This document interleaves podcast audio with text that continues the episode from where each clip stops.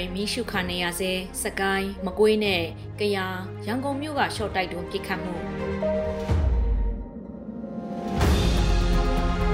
စစ်အာဏာသိမ်းပြီးတစ်နှစ်ကျော်ကြာ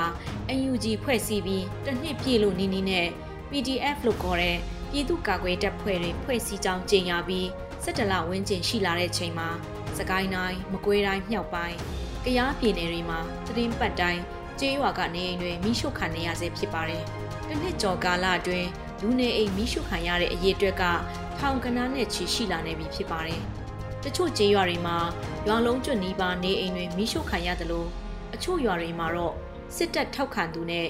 PDF ထောက်ခံသူအိမ်တွေကိုရွေးပြီးရှို့တာမျိုးတွေရှိတယ်လို့လည်းဒေသခံတွေကပြောကြပါတယ်။စစ်ကောင်စီတပ်တွေကကျေးရွာတရွာအနီးသူတို့မိုင်းခွဲခံရတာသို့မဟုတ်ချောင်းမြောင်းတိုက်ခိုက်ခံခဲ့ရရင် အနီးကကျေးရွာတွေကိုဝင်းရောက်မီးရှို့တဲ့နီလန်းနဲ့ပြစ်ဒဏ်ခတ်တာမျိုးလှုပ်ဆောင်နေလို့ဆိုပါတယ်။ကိုရွာမီးရှို့မခံခြင်းရင် PDF ကိုမထောက်ခံဖို့နဲ့ကိုရွာအနီးနားမှာတိုက်ခိုက်မှုတွေမဖြစ်အောင်တားဆီးဖို့ဆိုတာမျိုးသတင်းစကားပါတဲ့သဘောချင်းချောက်တဲ့သဘောလည်းဖြစ်ပါတယ်။လူနေအိမ်ကိုမီးရှို့ခံရတဲ့အခါမျိုးမှာနေစီယာတင်ဆုံးရှုံးတာမဟုတ်ပဲအိမ်အသုံးအဆောင်ပရိဘောကအိမ်မွေးတရိษံစပါပဲလိုရိတ်ခါတွေပါမိထဲပါဆုံးရှုံးရတာမျိုးဖြစ်လို့ အခုလိုအတွေ့အကြုံမျိုးဘဝမှာတစ်ခါကြုံတွေ့ရရင်တောင်ညားလာပြီလို့ဆိုရမှာဖြစ်ပါတယ်အခုလိုနေအိမ်ဆုံးရှုံးရသူပေါင်းထောင်နဲ့ချီရှိလာနေတာကြောင့်ရုပ်ဝတ္ထုဆုံးရှုံးမှုပမာဏတွေဘယ်လောက်ရှိမဲဆိုတာဘယ်သူမှမှတ်တမ်းတင်တွက်ချက်ထားတာမရှိဘူးလို့ဆိုရပါလိမ့်မယ်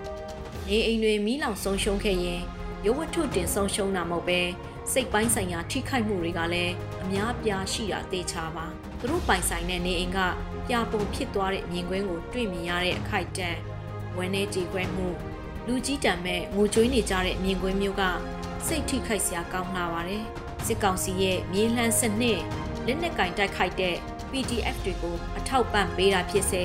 လက်ခံထားတာဖြစ်စေကျေးရွာတွေထဲမှာအနီးနားမှာလှုပ်ရှားတာတွေကိုသိလည်နဲ့တရင်မပုတ်ခဲ့ရင် ဝိုင်းကြီးချုပ်စနစ်နဲ့မြေလှန်ခံရမယ်ဆိုတာမျိုးလှုပ်ဆောင်နေတာဖြစ်ပါတယ်။ကျေးရွာသူကျေးရွာသားတွေအနေနဲ့မြေလှန်တဲ့တန်းကိုမခံနိုင်တဲ့ဆုံး PDF တွေကိုမထောက်ပံ့တော့လက်မခံတော့တဲ့အနေအထားမျိုးကိုစစ်ကောင်စီကရည်ရွယ်လှုပ်ဆောင်နေတာလို့ယူဆရပါတယ်။ဒီလိုကျေးရွာတွေမှာနေအိမ်မီးရှို့တဲ့စစ်တပ်ရဲ့နီးပြူဟာဟာတကယ်တော့အသက်ဆန်းမဟုတ်ပါဘူး90ခုနှစ်ကျော်ရှမ်းပြည်နယ်နဲ့ကရင်ပြည်နယ်ကလက်နက်ကင်တိုက်ပွဲတွေမှာ မကြာခင်နှစ်ပိုင်းကရခိုင်ပြည်နယ်မြောက်ပိုင်းမှာဖြစ်ပွားတဲ့တိုက်ပွဲတွေအတွင်းမှာကြဲကြဲပြန့်ပြန့်လှုပ်ဆောင်ခဲ့ကြပြီးဖြစ်ပါတယ်အခုတော့မြန်မာနိုင်ငံရဲ့အလဲပိုင်းအရှေ့ပိုင်းဒေသတွေမှာဒီနီလန်းကိုပဲကြဲကြဲပြန့်ပြန့်ကျင့်သုံးလာပြန်တာဖြစ်ပါတယ်မြန်မာနိုင်ငံပြည်တွင်းစစ်ရဲ့တည်ရောက်မှုတွေတန်ရာတွေက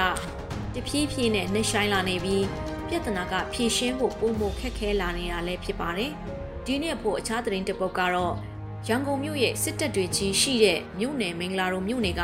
လေတက်စခန်းနေရာကိုရည်ရွယ်ပစ်ခတ်လိုက်တယ်လို့ယူဆရတဲ့ short တိုက်တုံးက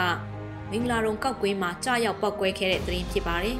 ။ရန်ကုန်မြို့နိုင်ငံတကာလေစိတ်နီစစ်တပ်မြို့ကို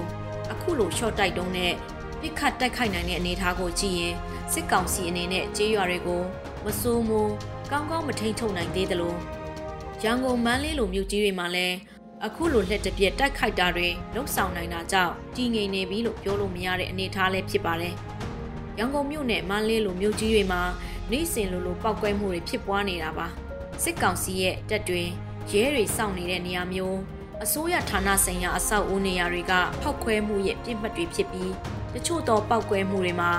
စစ်ကောင်စီဘက်ကစစ်သားရဲတွေတေဆုံးတာမျိုးရှိသလိုတခါတရံမှာရက်သားတွေထိခိုက်တေဆုံးတာတွေရှိတာဖြစ်ပါတယ်